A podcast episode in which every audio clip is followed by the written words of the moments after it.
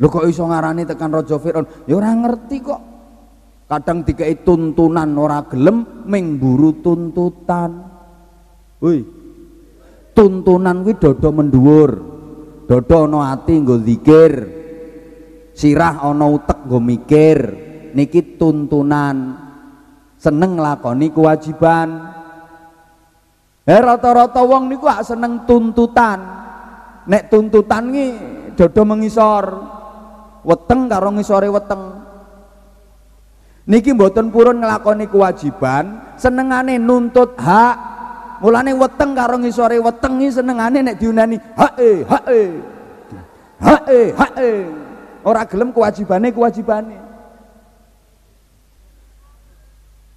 Ora usah top-top kowe. Pondok ini es kadung rukun. Masya Allah. Oh, sak duluran, sak mantu, sak pamanan, us guyup membesarkan satu yayasan. Tapi nek es kadung benturan, kadung gegeran. Yang ngono kuwi dadi so pecah ra karo-karuan. Srengenge karo bulan ora entuk.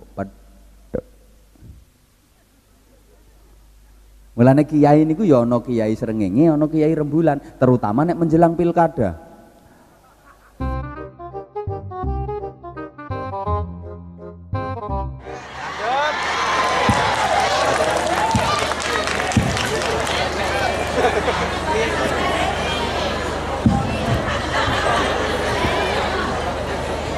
السلام عليكم ورحمة الله وبركاته.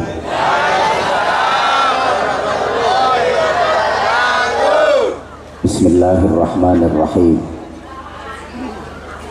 الحمد لله رب العالمين وقفا الذي أنعم علينا وهدى. أشهد أن لا الله وحده لا شريك له. رب الأرضين والسماوات العلى وأشهد أن محمدا عبده ورسوله. نبي المصطفى. اللهم صل وسلم وبارك على سيدنا ومولانا محمد. المجتبى والمقتفى وعلى آله وأصحابه أهل الصدق والوفا. سبحانك لا علم لنا إلا ما علمتنا إنك أنت العليم الحكيم. Rabbi syrah li sadri wa yassir li amri wahlul 'uqdatam min lisani yafqahu qawli waj'al li waziran min ahli Rabbana iftah bainana wa baina qaumina bil haqqi wa anta khairul fatihin Rabbana hab lana min azwajina wa dhurriyyatina qurrata a'yun وجعلنا للمتقين إماما. أما بعد. سادات المشايخ والأساتذة. وبمقدمة فضيلة الشيخ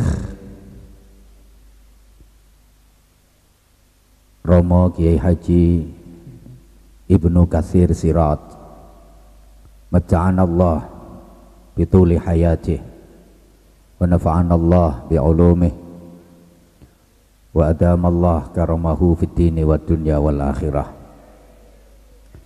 Bapak-bapak kiai, ibu-ibu nyai bil khusus murabbi hadzal ma'had Lubabul Fattah Sayyidil Akh Gus Saiful Anam beserta segenap kepengasuhan pesantren, kepengurusan pesantren, majelis asatid yang dimuliakan. Bapak Camat bersama Forum Komunikasi Pimpinan kecamatan yang mewakili Pak Kapolsek yang mewakili Pak Dan Ramil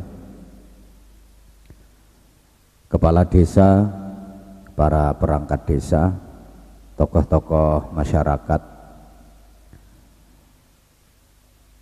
ibu bapak wali santri adik-adik santri putra dan putri hadirin hadirat para jamaah sekalian sebenarnya siapa yang memulai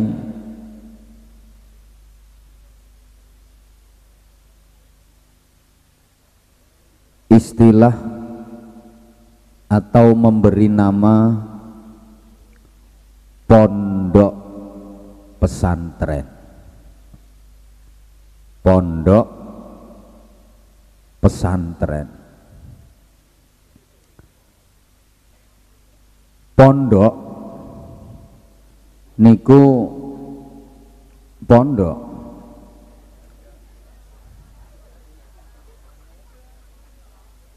Pondok niku sebenarnya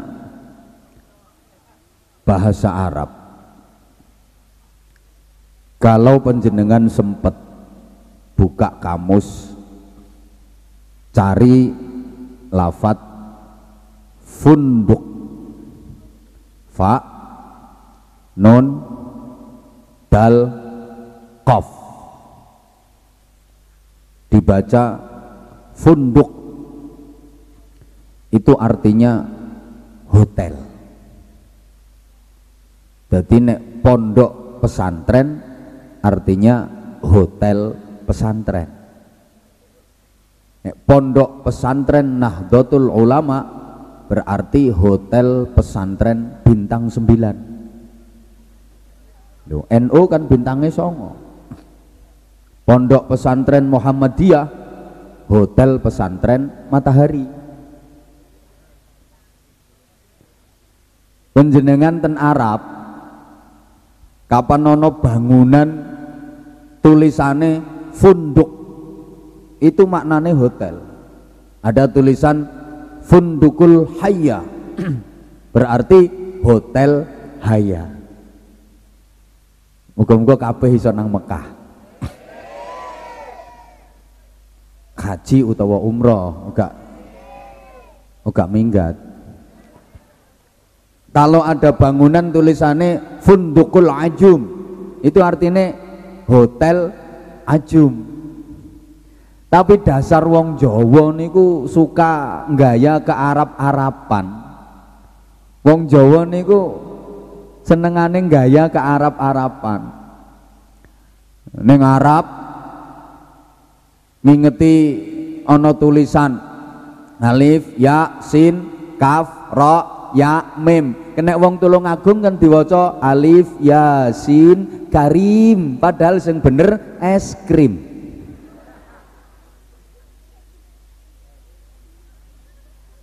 tulisannya kan alif ya sin kaf ra ya mim. Nah wong tulung agung macane alif yasin karim.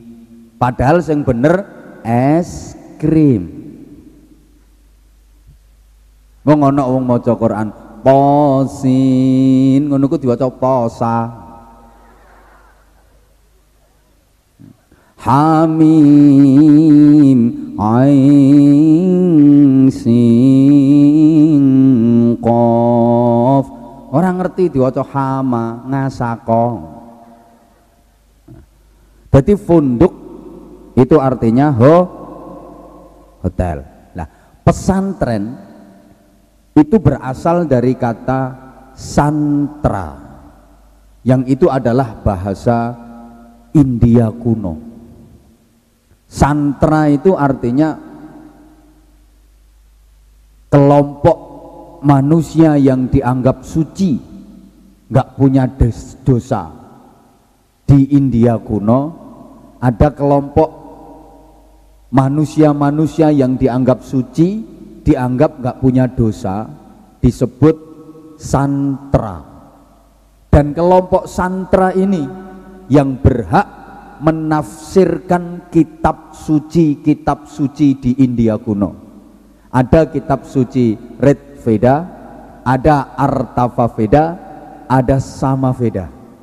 Sama nggak ngerti ya wis gak ada pitakon kubur kok. Yang berhak menafsirkan kitab sucinya adalah kelompok santra. Kalau bukan kelompok santra tidak boleh menafsirkan kitab sucinya. Ke Indonesia istilah santra ini dipakai menjadi santri dan itu khusus orang-orang yang mukim dan mempelajari ilmu Allah di pondok pesantren. Kalau umat Islam mempunyai kitab suci namanya Al-Qur'an, maka yang paling berhak menafsirkan Al-Qur'an hanya kelompok santri orang-orang yang mukim dan mempelajari ilmu Allah di pondok pesantren. Mangkane lek ono wong ke Quran dalil kola ta'ala tapi wonge gak tahu mondok nonggone pesantren gak pernah belajar di pondok pesantren kok dalil kola ta'ala tolong ojo dirungokke. Mergo nyalai fitrah biasanya ngawur oleh nafsiri Quran mempelajari ilmunya masih sepotong-sepotong. Mula santri-santri belajar agama itu harus kafah harus universal harus menyeluruh. Ojo nanggung-nanggung. Biar tidak salah faham apalagi nanti menjurus menjadi faham yang salah karena mempelajari agama cuma sepotong-sepotong seperti yang pernah saya sampaikan ada tiga orang buta dilepas ke kebun binatang disuruh menilai tentang gajah. Dia buta nggak bisa melihat gajah. Akhirnya ditanya apakah gajah itu? Orang buta pertama menjawab gajah adalah binatang yang tipis lebar kayak kipas soalnya sing dicekel kupinge. Kata orang buta kedua oh bodohi salah. Gajah ya orang ngono. Gajah itu binatang yang kecil bunder dawa jelantir soalnya sing dicekel buntute. Kata orang buta ketiga wong loro goblok karo. Salah. Gajah orang ngono kuwi. Gajah kuwi gede dhuwur atos. Mergo sing dicekel sikile sekarang banyak orang yang baru tahu kuping gajah tapi sudah sok tahu tentang gajah. Sekarang banyak orang yang baru tahu buntute gajah tapi gayane sudah sok tahu tentang nembe ngerti sikile gajah tapi gayane koyok ngerti-ngerti yo ya masalah gajah kan pundi-pundi bengok-bengok gaya pengumuman. Saudara-saudara gajah adalah binatang yang tipis lebar kayak kipas. Padahal ngerti ini nembe kupinge. Saiki akeh adik-adik santri orang yang baru ngerti tentang kupinge Islam tapi gayane sok ngerti tentang Islam. Halo? Paham pora tuh wong-wong Oke wong sing nembe ngerti buntute Islam tapi gayane kaya-kaya wis ngerti tentang Islam. Mau sing diwaca nembe ayat sing kereng-kereng niku. Mulane gayane kereng. Senengane Allahu Akbar.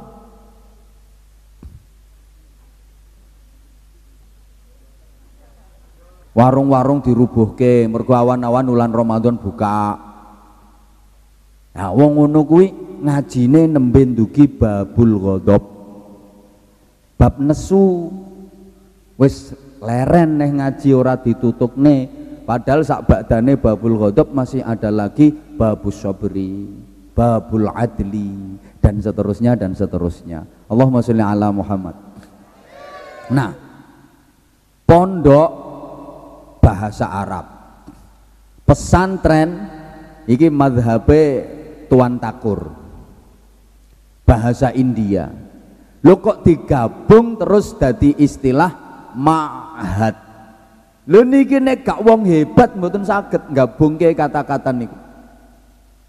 Wa il akhadha rabbuka min bani adama min wa ashhadahum ala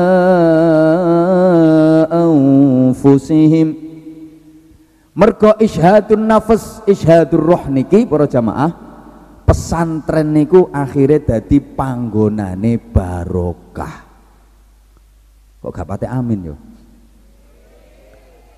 Dibahasakan menjadi ma'had artinya makanul ahdi tempat perjanjian.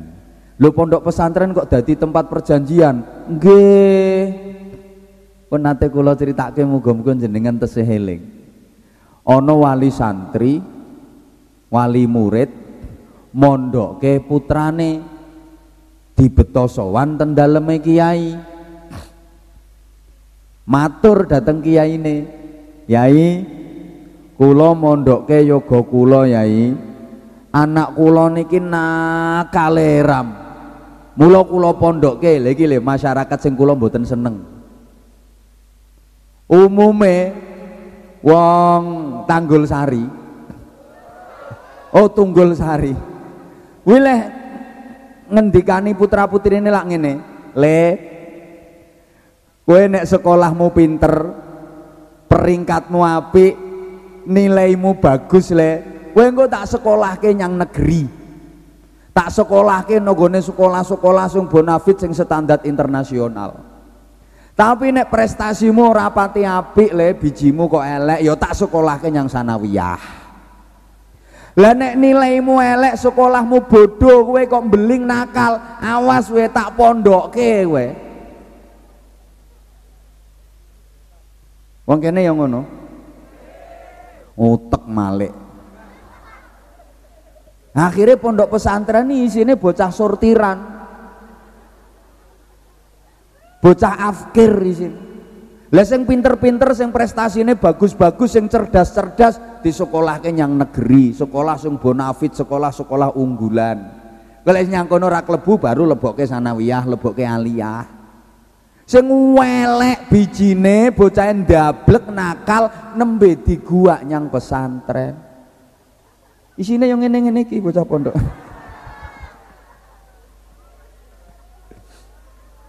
Lah niki ana wali santri sowan ten kiai mondokke yogane yai. Anak kula niki nakale ram yai. Kula pondokke mriki kula pasrah panjenengan kersa kula wentah. Anak kula niki nakale pun 17 derajat. Kula pesen yai yen anak kula dereng dados anak ingkang soleh dereng dados anak ingkang sae empun ngantos dipun ijini wangsul rumiyin empun ngantos diijini boyong rumiyin lajeng kiyaine dawuh nggih insyaallah. Kula tampi jenengan dongake lho kiyaine nyanggupi. Terjadi perjanjian antara wali santri kalih kiai. Tempat perjanjiane tenggene pondok. Makane pondok diistilah no ma'had yang artinya tempat perjanjian. Lah kok ternyata anak sing di pondok kene iku nakale kliwat-kliwat. Mboten umume bocah nakale. Umume bocah pondok niku nakale rak gasap ngono to. Umum lah niku utawa ngelirak-ngelirik santri lanang ketok santri wedok ayu ngelirik umum aku mbiyen yo ngono kok sampai saiki santri wedok ketok bocah santri lanang ganteng liwat ngelirik lumrah kate ana istilah kok ngelirik karo kedep Lek sing dikedhepke mripat tengen ting. I love you. Nek mripat kiwa I miss you. Lek kedep karo I glilipen you kan ngono to. Lah bocah iki nakale kliwat to. Duwe hobi ngincengi santri putri. Oh bahaya iki ditiru iki. Ora menginceng tok karo nggawa gotek koleksi badan hukum disingkat BH. Jadi ngincengi santri putri karo nggawa gotek BH-ne dicolongi.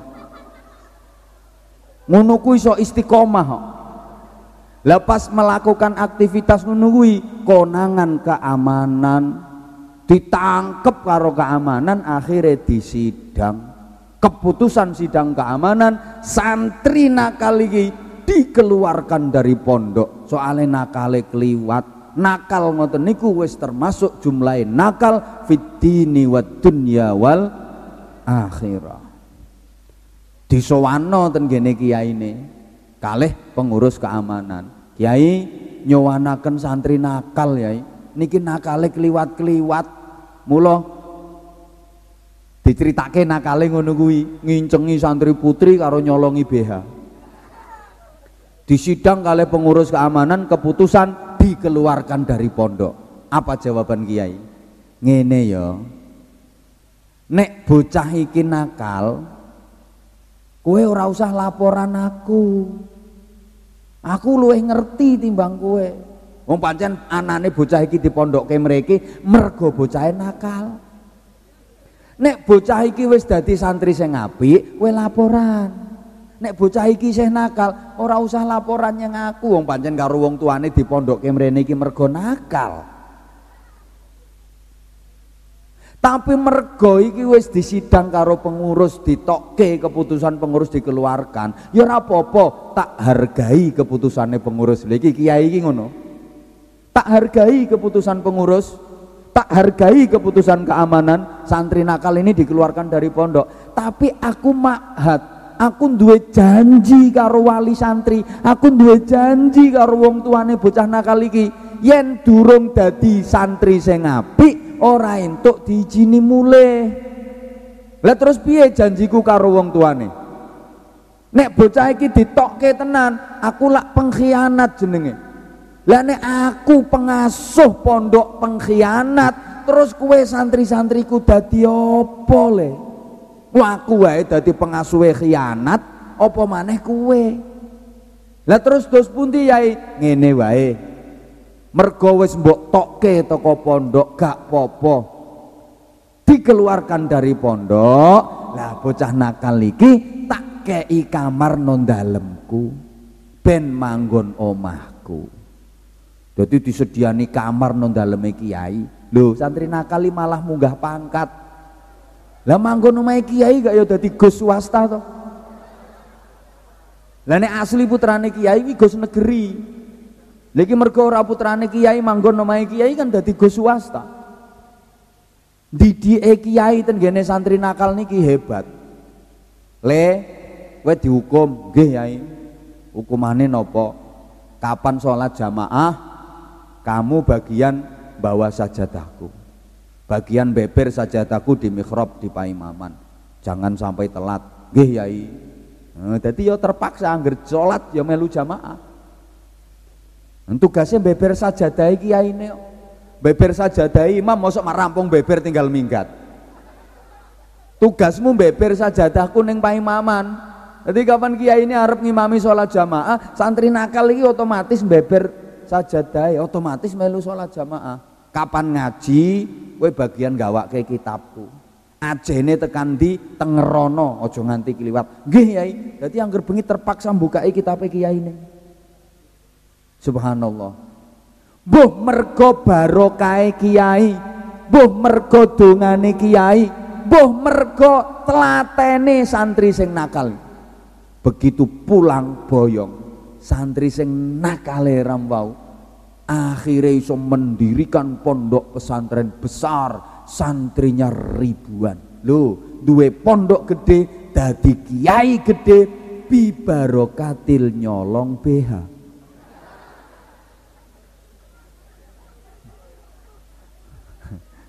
Kowe pengen dadi kiai gede sesuk nyolong BH-ne cah putri. Pengen diutes-utes tanganmu.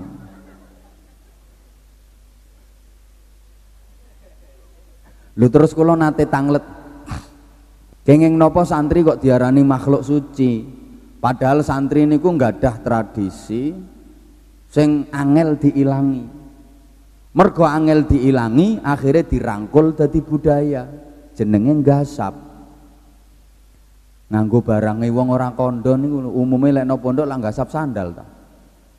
Wong diulangi kiyaine nyang masjid. Bab tahrimul ghasab pas nerangno keharaman ning ghasab kiyaine leh nerangno al ghasabu utawi gasap iku minal kabairi setengah saking jumlahe pira-pira dosa gede dadi gasap kuwi le. Nganggo barange wong ora kondo le kuwi dosa Nah, kiai ini bar mulang ngaji mudun, golek sandale ilang.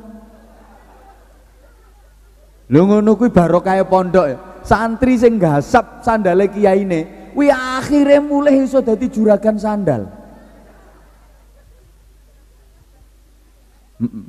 Naik pangkat. Jadi nek pengen dadi juragan sandal, sandale Gusipul gasapan bendino.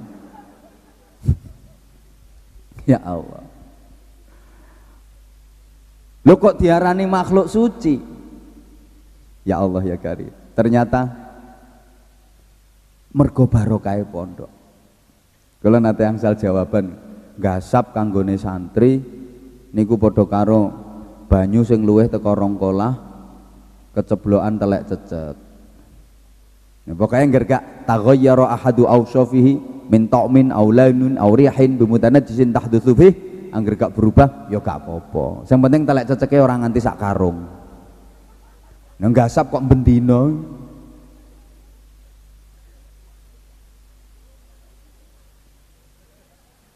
pon niki nek dirunut sejarah pondok soalnya niki kan tasyakuran berdirinya pondok muga-muga oleh barokah pondok Al-Fatah nek dirunut sejarah berdirinya pondok awet zaman Nabiullah Ibrahim alaihi salam.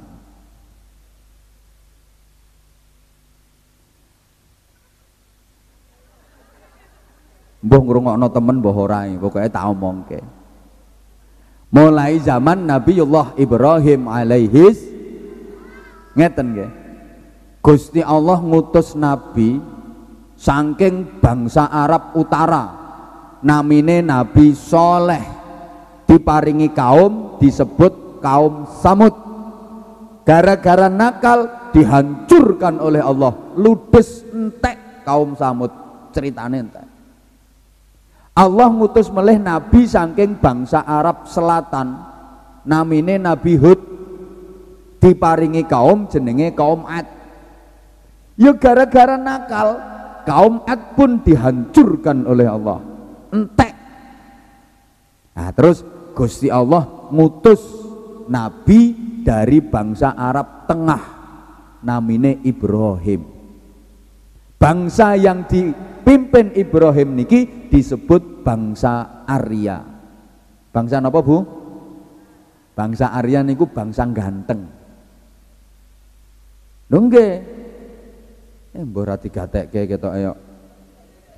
Bangsa Arya niku bangsa ganteng. Lah semua nabi rasul setelah Ibrahim alaihissalam itu adalah zurriyahipun Nabi Ibrahim sedaya nabi rasul sak badane Nabi Ibrahim niku keturunanipun Nabi Ibrahim yang itu berasal dari bangsa Arya, bangsa ganteng.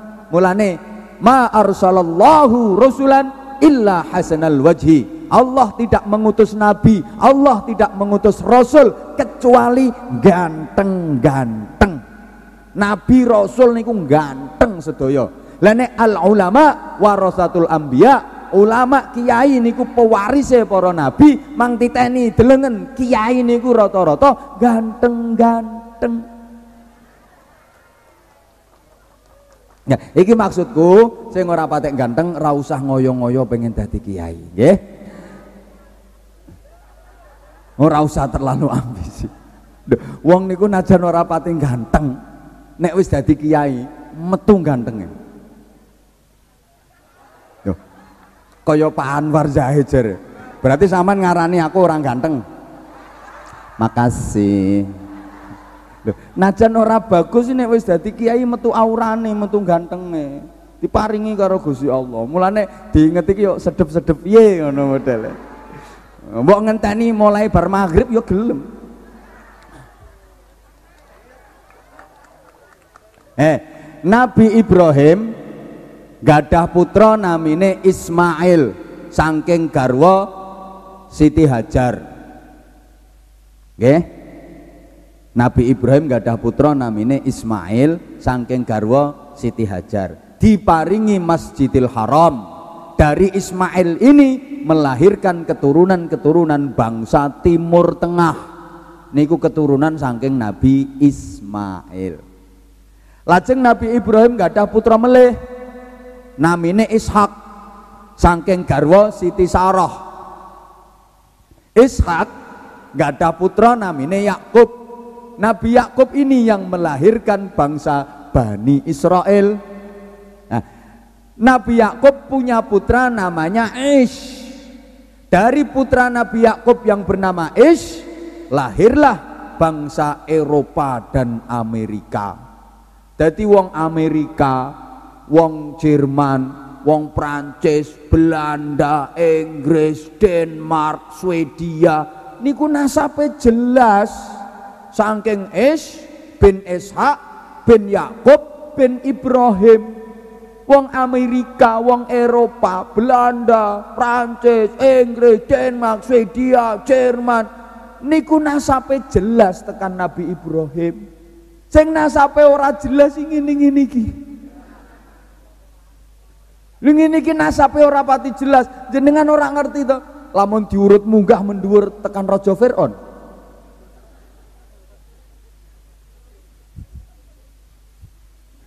Lho kok iso ngarani tekan Raja Firaun? Ya ora ngerti kok. Kadang dikai tuntunan ora gelem ming buru tuntutan. Woi. Tuntunan kuwi dodo. Dodo ana ati nggo zikir. Sirah ana utek nggo mikir. Niki tuntunan. Seneng lakoni kewajiban. Eh rata-rata wong niku gak seneng tuntutan. Nek tuntutan ki dodo mengisor. Weteng karo ngisore weteng. Niki mboten purun nglakoni kewajiban, senengane nuntut hak Mulane weteng karo ngisore weteng iki senengane nek diunani hae hae. Hae hae. Ora gelem kewajibane kewajibane. Eh mbok paham mbok ora? Oh paham ya wes. Pon pon lajeng Nabi Ismail terus terus terus terus nurunke Rasulullah Muhammad sallallahu alaihi wasallam. Kanjeng nggih. Kanjeng Nabi berjuang 13 tahun di Makkah menanamkan iman, menanamkan akidah, lajeng pindah ke Madinah sampai di tempat namanya Kuba, bangun masjid, masjid pertama yang dibangun dalam Islam disebut Masjid Kuba. Muga-muga iso ziarah rono kabeh. Masuk Madinah nyari tempat untuk bangun masjid. Pertama yang dibangun masjid. Selesai membangun masjid, Rasulullah mendirikan pondok pesantren. Mulane kanjeng Nabi dawuh ma baina baiti wa mimbari raudhatun min riyadil jannah. Tempat antara rumahku sampai dengan mimbarku adalah taman surga. Kenapa tempat itu disebut taman surga? Karena di situ Rasulullah mendirikan pesantren. Di situ Rasulullah mendidik para santri mengajar para sahabat tentang ilmu-ilmu Allah. Jadi pondok pesantren itu yang pertama ngerintis kanjeng. Ayo to nyaut. Pondok pesantren itu sing pertama mendirikan Yang pertama ngerintis adalah kanjeng Nabi.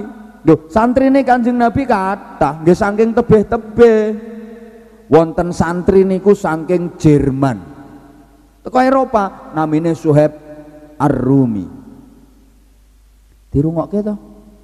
Niku saking Jerman mondok ten Kanjeng Nabi. Ana santri teko Persia namanya Salman Al-Farisi, teko Iran bidal mondok ten Kanjeng Nabi.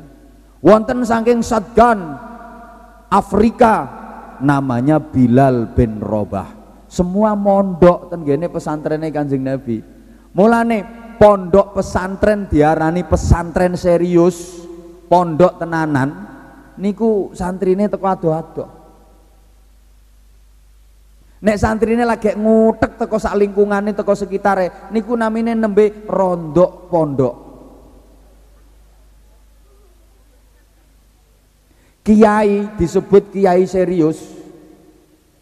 Ini mbah dirungokke. Kiai tenanan niku nek santrine keng tebe-tebe. Kiai-kiai sepuh, kiai-kiai alim, santrine keng tebe-tebe. Pondok-pondok sing tenanan niku. Santrine mesti keng tebe-tebe. Wis mboten usah disebutke wong kathah contone kok. Mang tingali pondok-pondok sing tenanan niku. Sarang, Lirboyo, Ploso, Langitan. Santrine mesti keng tebe-tebe. Nggih napa mboten? Pondok tenanan, kiai ini kiai tenanan. Lah nek santrine lagi teko lingkungane dhewe ngono ku ya rondok kiai.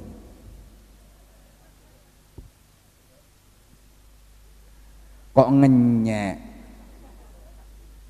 Niki ra ukuran to. Nah, istrine Kanjeng Nabi sing diajak ngasuh pesantren niku Sayyidah Aisyah. Sinten, Bu? Banteri istrine Kanjeng Nabi sing diajak ngasuh pesantren niku sinten Sayyidah Aisyah. Makanya paling dicintai. Ahabun nisa ilayya Aisyah wa ahabbur rijal ilayya abuha. Wong wedok sing paling tak tersenani kuwi Aisyah. Wong lanang sing paling tak tersenani ku bapaknya Aisyah. Sinten? Abu Bakar Siddiq. Kenapa Sayyidah Aisyah paling dicintai sama Rasulullah?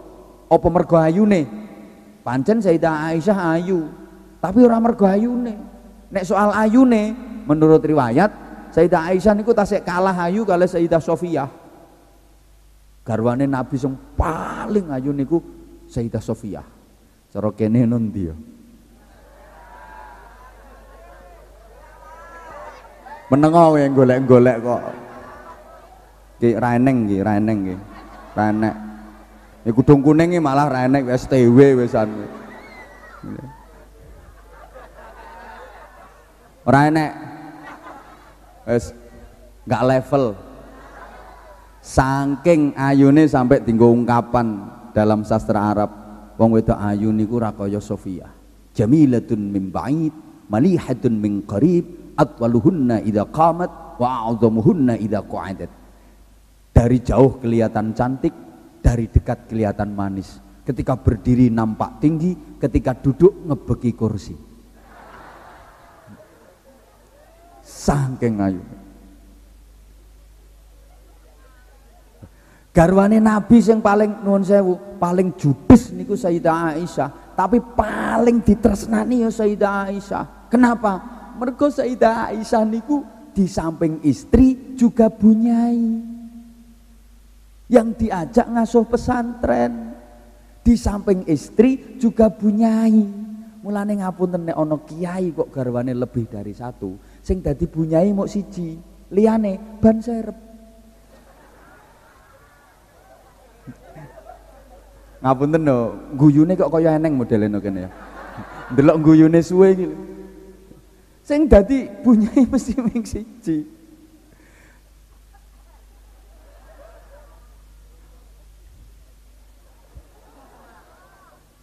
Kok podo-podo maka Sayyidah Aisyah itu paling dicintai sama Rasulullah. Yang diajak ngasuh pesantren itu Sayyidah Aisyah. Paling judes. Iya.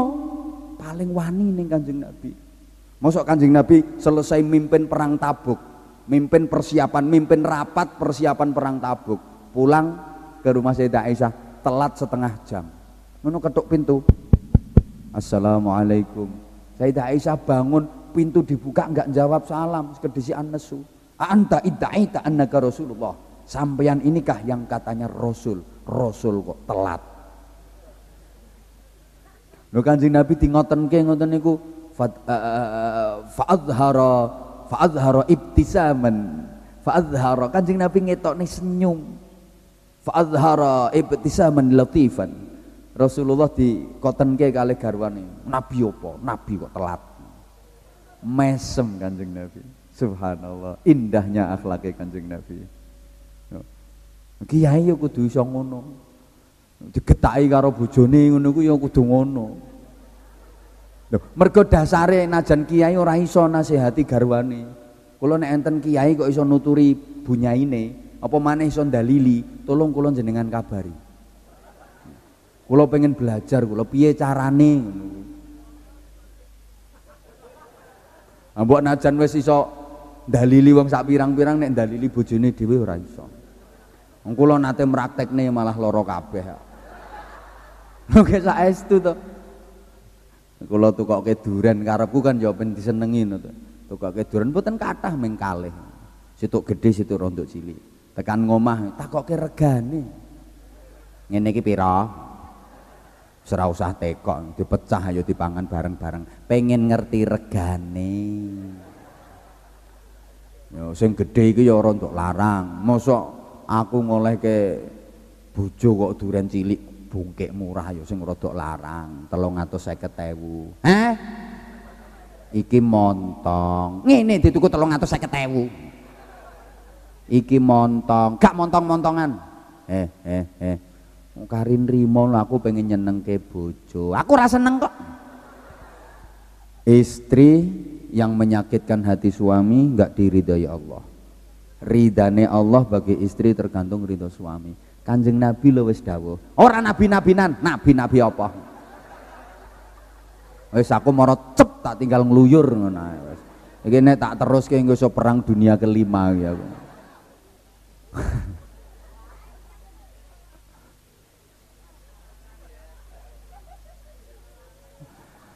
Kanjeng Nabi kali Sayyidah Aisyah ngasuh pesantren di mana? Di raudhah itu.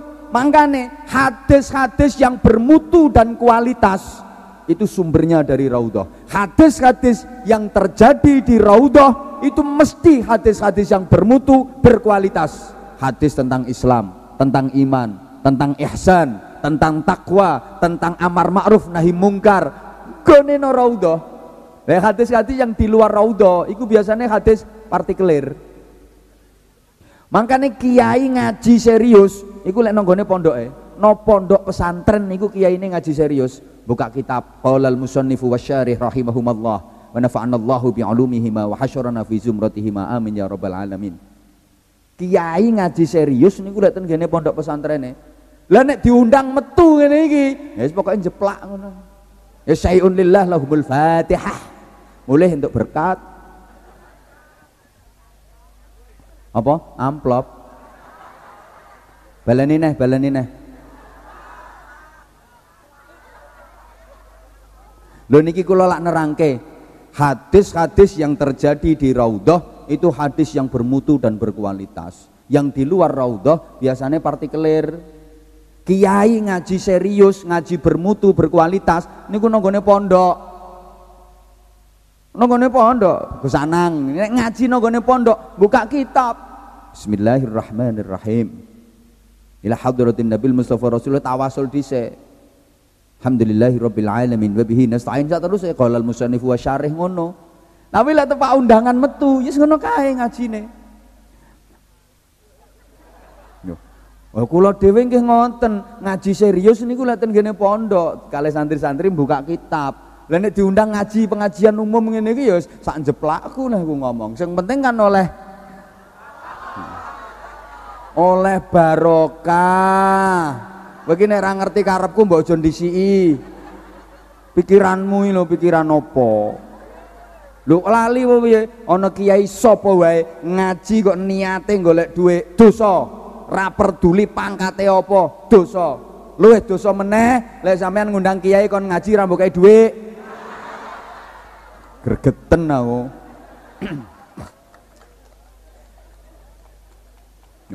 Iki mumpung ketemu. Garwane Kanjeng Nabi sing jenenge Sayyidah Aisyah. Niku mboten nate rukun kalih putri kesayangane Kanjeng Nabi sing jenenge Sayyidah Fatimah.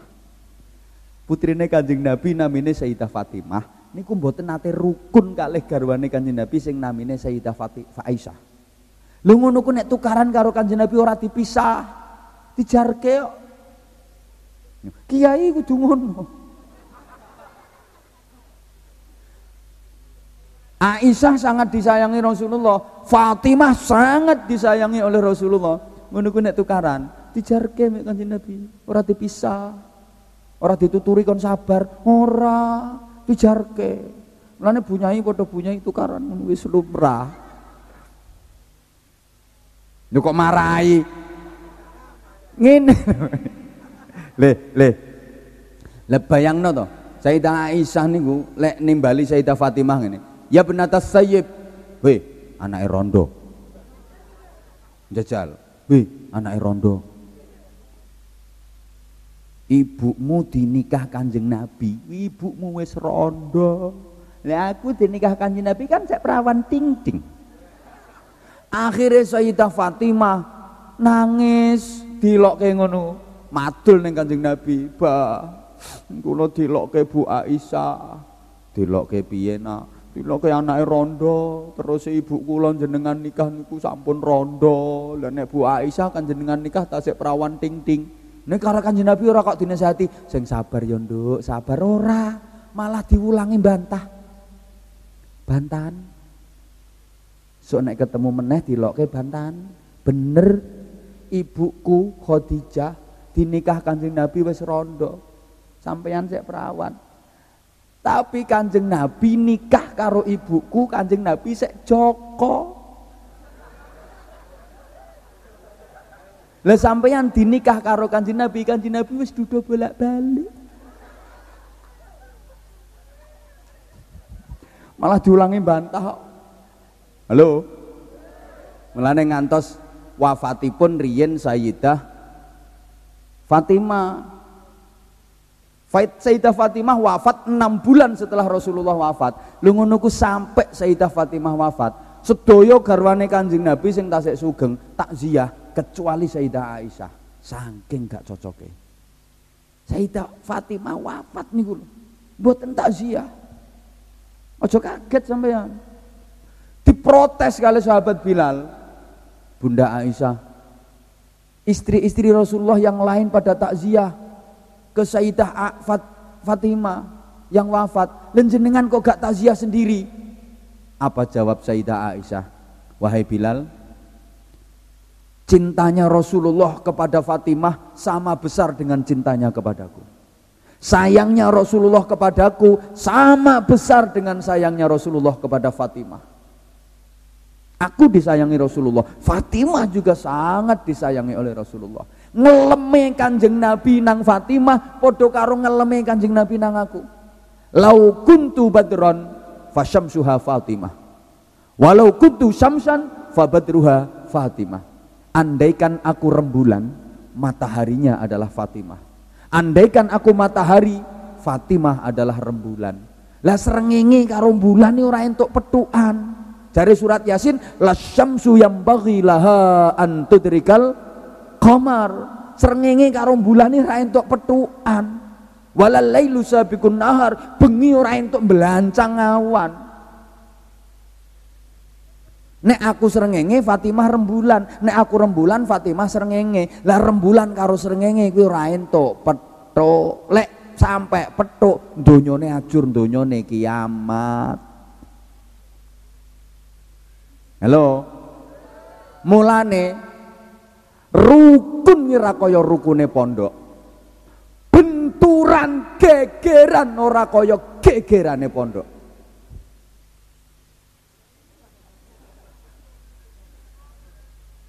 Ora usah top-top kowe. Pondok ini es kadung rukun. Masya Allah. Oh, sak duluran, sak mantu, sak pamanan, us guyup membesarkan satu yayasan. Tapi nek es kadung benturan, kadung gegeran. Yang ngono kuwi dadi ini. So pecah ra karo-karuan. Srengenge karo bulan ora entuk. Mulane kiai niku ya ana kiai srengenge, ana kiai rembulan, terutama nek menjelang pilkada.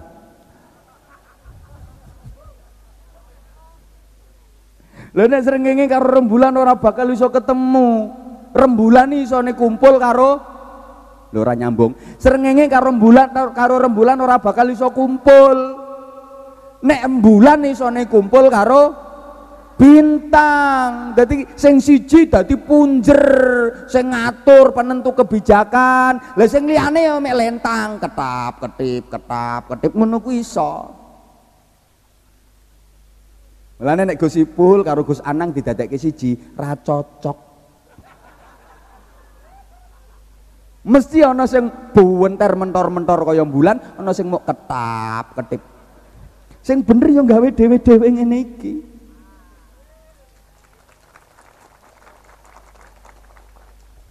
Nah, Romo Yai Ibnu Katsir Sirot sing bagian dongake, bagian nyengkuyung, bagian mangestoni berkahi. Dan Wes, dip iya ya. Dari Kanjeng Nabi niki dibawa ke Indonesia oleh para wali. Pesantren pertama yang dirintis di Ampel Denta Surabaya. Mbah Sunan Ngampel, Maulana Sayyid Rahmatullah. Damel pesantren persis metode Kanjeng Nabi. Santri ini macam-macam. Ada santri dari kalangan putra kerajaan Brawijaya namanya Raden Fatah. Ada santri putra kerajaan Sriwijaya namanya Raden Husain. Ada santri putra ulama terkenal Maulana Ishak namanya Raden Ainul Yakin, Raden Paku yang kemudian menjadi Sunan Giri. Raden Fatah putra kerajaan Majapahit kemudian menjadi raja Islam pertama di Demak. Halo, Iki paham pura tuh? Ada santri yang putranya Sunan Ampel sendiri, Raden Maulana Makhdum Ibrahim yang kemudian menjadi Sunan Bonang. Bahkan ada santri mantan maling, mantan rampok, mantan bajingan, Raden Syahid Berandal Lokojoyo yang kemudian menjadi Sunan Kalijogo. Ini bukti adik-adik berandal kaya apa, bajingan apa, kecekel kiai iso dadi wali julukane Sunan Kalijaga. Nek ora kecekel kiai iso-iso dadi Sunan Jogo Kali. Iya, eh, gaweane nek gak mancing yo ngising. Jogo Kali kok. Mulane nek gelem gelem ngawula kiai dadi santri, santri niku makhluk sing sarwa pantes. Allahumma sholli ala Muhammad. Santri niku makhluk sing sarwa pantes. Kondur wangsul saking pondok boyong teko pondok dadi apa wae pantes. Iki ora ana lembaga liyane pondok pesantren mboten wonten. Mulih teko pondok dadi petani pantes. Mulih teko pondok dadi pedagang pantes. Mulih teko pondok dadi polisi pantes mulai teko pondok dadi tentara pantes mulai teko pondok dadi pejabat pantes mulai teko pondok dadi ustad ustazah kiai bunyai pantes mulai teko pondok ono apa wae siap nek santri? Kon ngarit siap kon ngedos lo siap. Ayo anakmu anakmu lulusan fakultas kedokteran mulai kon ngarit wani. Mulane aja ngremehke santri. Kula niku paling loro ati nek santri diremehke. Ono wong ngepek mantu santri nang diilok-ilokke. Nyapa ngepek mantu kok santri? Kaliren anakmu. Lumuh nyambut gawe ora gelem mergawe. Arep dipakani apa anakmu? Dipakani kitab kuning apa? Nang gitu nek santri cekelane kitab kuning panganane kitab kuning. Bojomu bendina cekelane pacul ya ora tau mangan pacul kok. Anyel aku. Aja dianggap santri ora iso nyambut gawe ra entuk penghasilan. Sorry. Sing ngomong ning ngarepe sampeyan saiki nyekelim iki iki santri. Soal penghasilan Ayo wong semene akeh iki sing pangkate paling dhuwur sapa? Camat. Hmm, penghasilannya camat nang piro? Hmm. Nah aku ceramah sepisan padha karo kono gaji pokok telung wulan no. Lu kok ngremehke santri gue? Aku paling loro nek santri diremehke. Lu saiki santri dadi menteri sak pirang-pirang. Dadi presiden yo wis. Apa remehke to? Woi. Woi. Makanya zaman saat ini pondok pesantren adalah solusi. Ngaku tahu nerangke ngene iki, ana sing jawab, orang jamin. Pengen nang pondok mesti api orang jamin. Ya wes tak hargai cangkemmu. Tapi kalkulasine rak ngene to. Ana bocah pondok 100 sing nakal loro, lumrah. Lah bocah ora ana pondok 100, paling sing apik loro. Mula nate tak contokke to, nakale bocah pondok kuwi apike bocah sing ora ana pondok. Kula kapan ngoten niku isuk-isuk melampah-melampah ten pondok. Enten lare niku ngepel dhewe. Srek-srek-srek aneh rambutnya dipetal. Tak tekoki, nyapole kok nyapu ngepel dhewe rambutnya petalan. Kula ditakzir, Bah. Ditakzir niku dihukum. Nang salahmu apa le? Kula salat jamaah subuh lo ketinggalan sak rakaat. Derek salat jamaah subuh ketinggalan sak rakaat dadi makmum masbuk. Yo derek salat subuh berjamaah tapi ketinggalan sak rakaat. Ngoten niku lek ten pondok dianggap nakal. Nonton pondok dihukum dianggap nakal. Lah anakmu ning omah gelem salat subuh wis lutung anakmu. Nggih napa nggih? Lah iya kowe arep ngremehke cah pondok.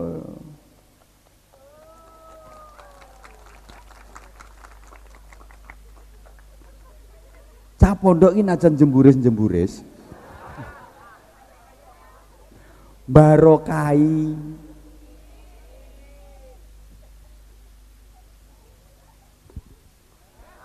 Nah, ter iya. Lah kula nggih mboten wantun to nerangne akeh-akeh ngono Romo Yai Ibnu Katsir. Kula meng nerangke pondok pesantren iki modele ngono. Rintisan awale teko kono kuwi. Halo. Nah, bahkan akhirnya bukan hanya menanamkan keilmuan, sampai menanamkan semangat perjuangan melawan penjajahan. Niku nggih gini pondok-pondok pesantren. Makanya sampai didawone Kanjeng Nabi, raudhatun min riyadil jannah. Maka di mana ada tempat yang di situ dipakai untuk menjadi pondok pesantren, mempelajari ilmu Allah, maka tempat itu, bangunan itu akan diangkat oleh Allah menjadi bagian dari taman-taman surga, termasuk pondok Lubabul Fattah ini insyaallah amin Allahumma. Ya, sopo sing manggon ning kono? Ya kiai ini, bunyai ini, santri-santri ini, alumni-alumni ini, pengurus termasuk orang-orang yang ikut berkiprah dalam perjuangannya. Wali santri katut nek nyumbang. Nah, orang melu nyumbang ya berat ya. Berat orang melu nyumbang. Nah terus Ya, lo soalnya ngeten Bapak Ibu jamaah rahimakumullah. Niki saiki masalah anak ya kersane jenengan purun mondok ke anak. Lek menurut informasi teko Al-Qur'an, anak niku dadine kan ada empat kriteria. Ada empat tipe anak menurut Al-Qur'an. Yang pertama, anak yang menjadi harapan semua orang tua, menjadi idaman semua orang tua. Ayatnya sering kita baca sebagai doa. Rabbana hablana min azwajina wa dzurriyyatina qurrata a'yun waj'alna lil muttaqina imama. Anak-anak yang menjadi qurrata a'yun, penentram hati, penenang jiwa, sekaligus siap menjadi pemimpin dari orang-orang yang bertakwa. Bahasa sederhananya anak solih solihah. Muga-muga kabeh santri lek neng pondok insyaallah. Neng pondok insyaallah anak-anakmu muga-muga gelem dipondokke. Mondokke anak ora usah ngenteni nakal nggih.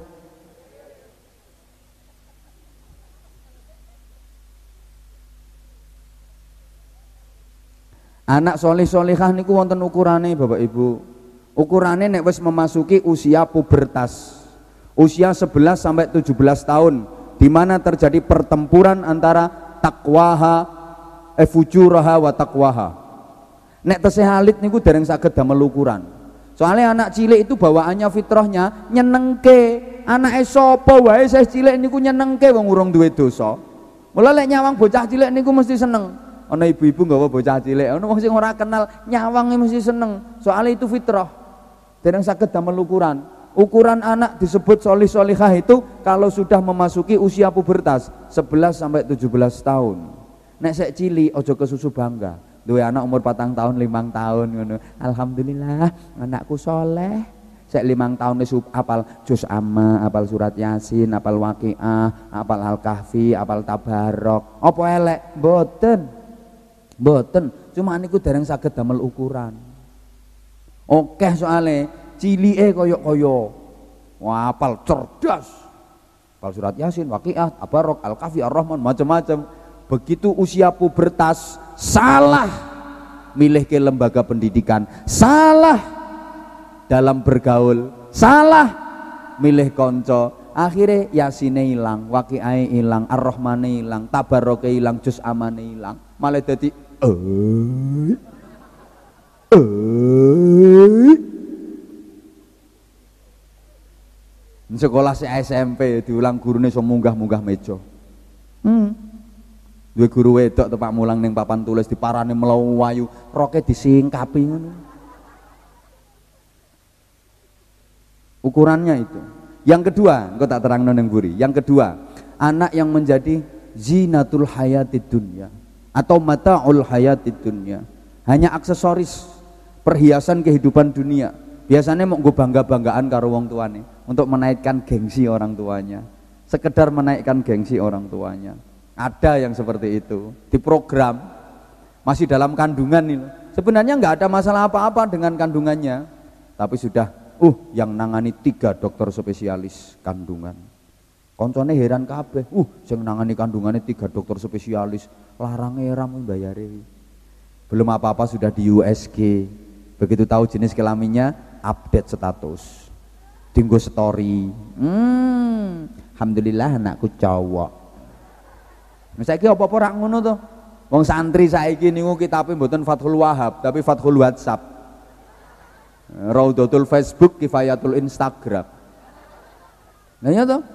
Wong saiki wong sak donya dadi tukang chat kabeh kok. Ngechat iki, ngechat kae, ngechat kene, ngechat kono.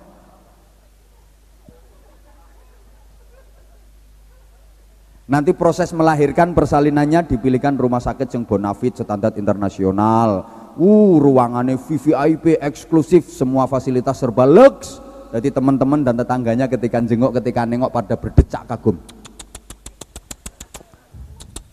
Ruangan koyong ini api. Mindah nih larangnya bayar jadi tonggo-tonggonya jadi cecek kabeh. Nanti dikasih nama diberi nama itu yang penting kelihatan bagus kedengaran indah tapi tidak bermakna. Saya oke okay, anak lanang dijenakno Heli Blacky Herder. Loh, sampean saiki golek bocah lanang cilik sing itbak jenenge Nabi kangelan sampean golek bocah lanang cilik jenenge Harun saiki ra ngira nemu sampean nek ana jeneng Harun mesti wis tuwek Ayo zaman golek bocah lanang jenenge Sueb, angel saiki kae. Ayo nggih mboten? Lho, wedok ya padha.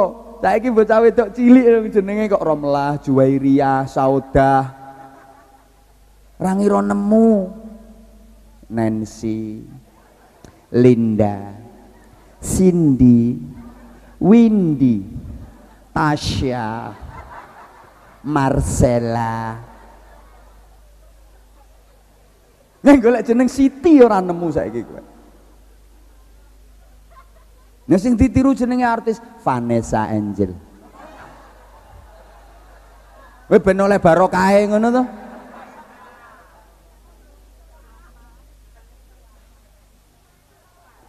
Hi. Hi. Mbah. Jam iki? Jam 10 jam 10 mangke sik nembe TK langsung dilebokne TK sing standar internasional sing bergengsi ngono kae. Sudah TK eh, baru TK sudah diajarkan empat bahasa. Ibunya bangga kok. Anakku masih TK tapi sudah belajar empat bahasa. Bahasa Arab, bahasa Inggris, bahasa Jepang, bahasa Perancis. Rumang sana kapien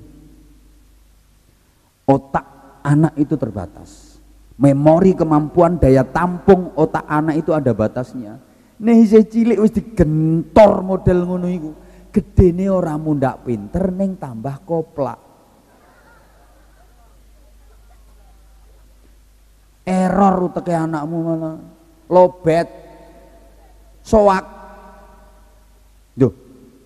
Kandani orang yang sekarang hebat dan sukses. Al Mukarram Romo Yai Ibnu Katsir Sirot. Iku biyen cilikane waktu tesih Halid belajare nggih biasa. Fa'ala yafulu fa'lan wa maf'alan fa huwa fa'ilun. Aliba tak tak jim kha kok biasa otodidak.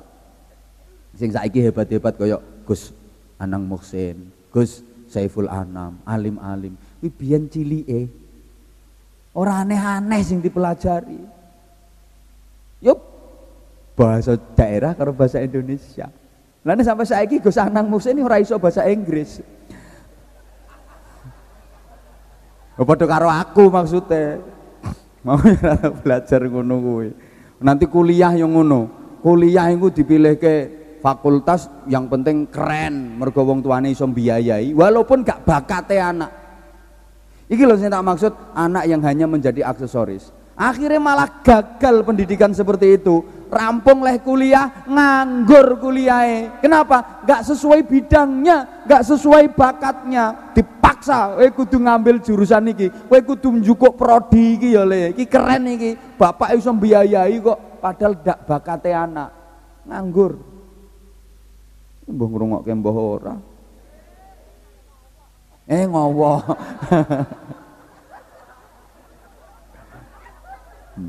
Sing nomor tiga wah ngowo. anak. Anak yang menjadi fitnah bagi orang tuanya. Anak yang menghancurkan reputasi orang tuanya. Ini kadang-kadang gak sesuai blas karo harapane wong tua anak polah bopo. Hati-hati nggih nek salah didike kadang bapaknya pejabat anaknya jadi penjahat bapaknya jenderal anaknya jadi berandal. Bapaknya ustadz anaknya murtad. Bapaknya kiai anaknya grosir ekstasi. Hati-hati. Mulane solusinya pondok pesantren. Wis ngandel kula? Ngandel kula. Ngandel kula. Nek no pondok niku dididik zahir batine dididik njaba jerone nah yang nomor papat anak yang menjadi musuh bagi orang tuanya. Aduwar lakum niki naudzubillah min dzalik sampai orang mentolo nyeritake kula tentu kita berharap agar anak-anak kita menjadi anak yang solih solihah. Gitu solusinya pondok pesantren. Mangkel anak niku di pondok bu cirine. Ketika anak di rumah orang tua senang. Ketika anak lagi keluar rumah orang tua tenang. Itu cirine anak solih solihah. Saya ulang ketika anak lagi di rumah orang tuanya senang. Karena anak berbakti ketika anak lagi keluar rumah orang tuanya tenang karena anak bisa jaga diri dan berprestasi anak solih solihah itu berbakti di lingkungan internal, berprestasi di lingkungan eksternal. Bu, jenengan kagungan anak wadon, nek solihah bu, kuliah libur, sekolah libur, ngoten niku ten nyenengke wong tua. Matur, Ibu saniki kula mboten kuliah, Bu, saniki kula libur. Mangke sing masak kula mawon nggih Ibu istirahat. Pokoknya dinten niki Ibu istirahat mawon pakaiane ibu sing kotor punting nggih mangke kula sing nyuci kula sing nyapu ibu menawi kersa badhe jalan-jalan monggo anake sampean sing wedok ampun ngoten napa dereng Berarti anak sampean wedok iki nek ibune masak, anak sampean dolanan HP ngoten? Ibune umbah-umbah langsung pakaiane sing kotor digawa dibrukne ibuke. Bu, nitip diumbahke pisan ngono. Syukur. Salahmu rambut pondok kayak Ya pendidikan yang salah berarti. Itu namanya ketika anak di rumah orang tua susah. Ketika anak keluar rumah orang tua gelisah. Tidak solih, tidak solihah. Kalau solih, solihah, ketika anak di rumah orang tua tenang. Ketika anak lagi keluar rumah orang tua tenang. Waktu anak di rumah orang tua senang karena anak berbakti. Ketika anak lagi keluar rumah orang tuanya tenang karena anak bisa jaga diri dan berprestasi. Anakku iso ngaji kok, anakku wis dasare imane kuat, anakku wis takwane lumayan, anakku wis dididik akhlak. Anakku mesti bisa jaga diri. Anakku nggak mungkin pacaran. Anakku nggak mungkin kena narkoba. Anakku nggak mungkin katut miras. Nggak mungkin anakku kena pemilu perkawinan hamil dahulu. Bos ngerti agama nggak mungkin terjadi apa-apa tapi ketika anak tidak solih, tidak solihkah, anak lagi keluar rumah orang tua pasti gelisah. Anakku keluar ke mana? Keluarnya sama siapa? Jangan-jangan nanti di jalan ada apa-apa. Nanti keluarnya di mana? Jangan-jangan dia melakukan apa-apa. Pulangnya jam berapa? Yang ngantar siapa? Jangan-jangan nanti setelah pulang perutnya kenapa-napa. Itu tandanya tidak solihah. Bu, pun jam kali welas. Ya wes, moh. Pokoknya kula namung pesen ngoten niku mawon solusi akhir zaman niki pondok pesantren. Didongake nggih pondoke Gusipul Lubabul Fattah. Muga-muga manfaah maslahah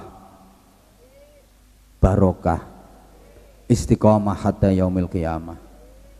Eh pun bubar rumiyin ngerantos berkah doa ingkang badhe dipun imami dereng guru kita pembimbing kita Fadilati Syekh Romo Kiai Haji Ibnu Katsir Sirat. Kula estu nyuwun pangapunten sedaya lepat Assalamualaikum warahmatullahi wabarakatuh